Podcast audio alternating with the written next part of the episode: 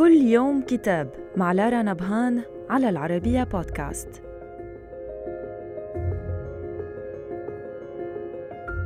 نتناول اليوم كتاب لا فرانس Liban 1920 إلى 2020 أو فرنسا ولبنان 1920 إلى 2020 مئة عام من التضامن للدكتور ميشيل شهدان خليفة.